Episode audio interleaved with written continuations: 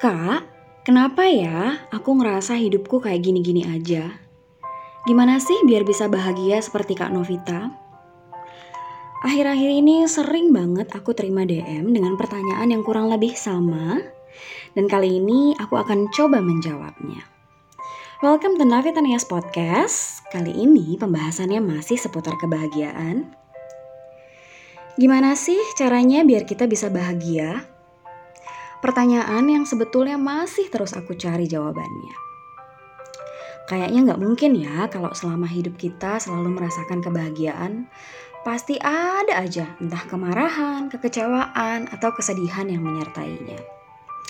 Yap, hidup itu kan memang seperti roda berputar, ada up and down.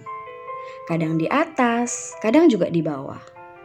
Tapi semoga setelah kita merasakan kesedihan, kemarahan, atau kekecewaan, itu cuma sebentar aja ya. Dan kemudian bahagia datang kembali. Ada satu DM yang menurutku unik sekali. Yang kurang lebih isinya seperti ini. Kak, usiaku sudah hampir 30 tahun. Tapi aku ngerasa gak bahagia menjalani hidup.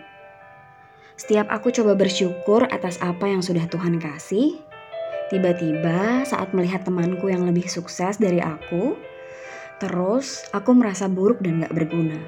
Kenapa ya kak? Hmm, sebenarnya aku pernah ada di posisi dia dan pernah merasakan apa yang dia rasakan. Tahu gak sih, kita tuh sering banget melakukan perbandingan yang tidak adil. Membandingkan kelemahan kita dengan kelebihan orang lain. Atau membandingkan kegagalan kita dengan kesuksesan orang lain.